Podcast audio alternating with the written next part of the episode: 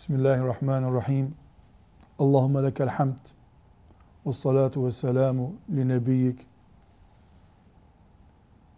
Haramla tedavi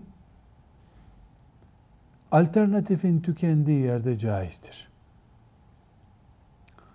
Mümin her şeyden önce sıhhatini korumakla mükelleftir.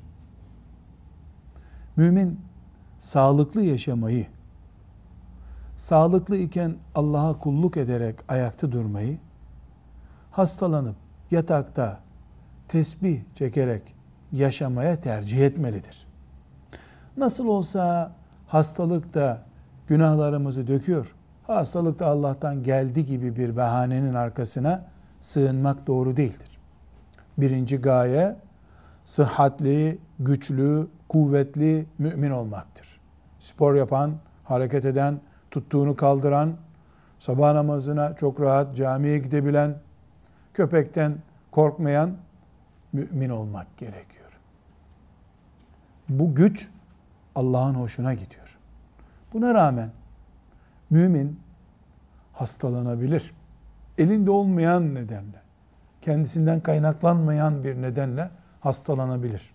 O zaman müminin görevi hemen tedaviye başvurmaktır. Çünkü Resulullah sallallahu aleyhi ve sellem Efendimiz Allahu Teala'nın tedavisini yaratmadığı bir hastalık indirmediğini söylüyor.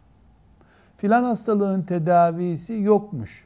Henüz insanlar keşfedemediler. Allah onu yarattı.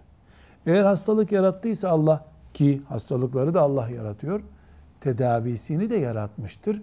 İnsanlık bir kısmını keşfetmiştir, bir kısmını keşfetmemiştir. İkinci vazife bu. Üçüncü noktamız hastalığı ve tedaviyi evham düzeyine getirmemek lazım. İnsan her başı ağrıdığında hastaneye, eczaneye koşmamalıdır. Başı ağrısı dayanılmaz hale gelince doktora gitmelidir.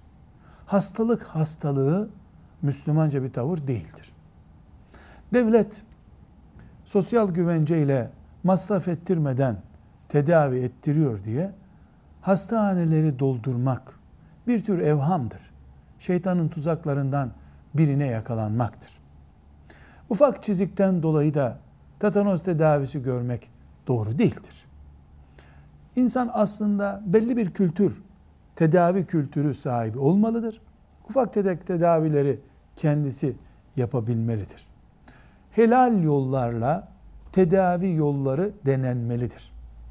Tedavide haram nasıl olabilir? Mesela erkek doktoru varken bayan doktoru tercih etmek doğru bir hareket değil.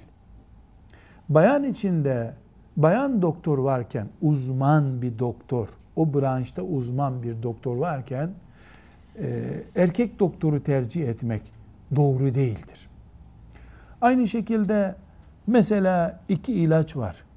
Biri alkol veya benzeri necis bir maddeyle üretilmiş. Mesela domuz yağından üretilmiş. Alkol, domuz yağı bunlar necis şeyler.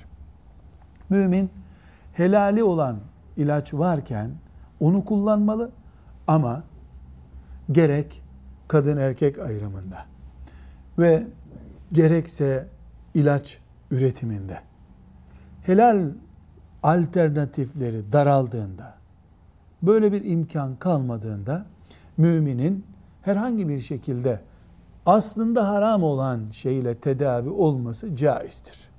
Çünkü haramlar normal şartlarda haramdır. Canı boğazına gelmiş, tehlikeye girmiş insan için haramlarda Allah'ın ruhsatları vardır. Velhamdülillahi Rabbil Alemin.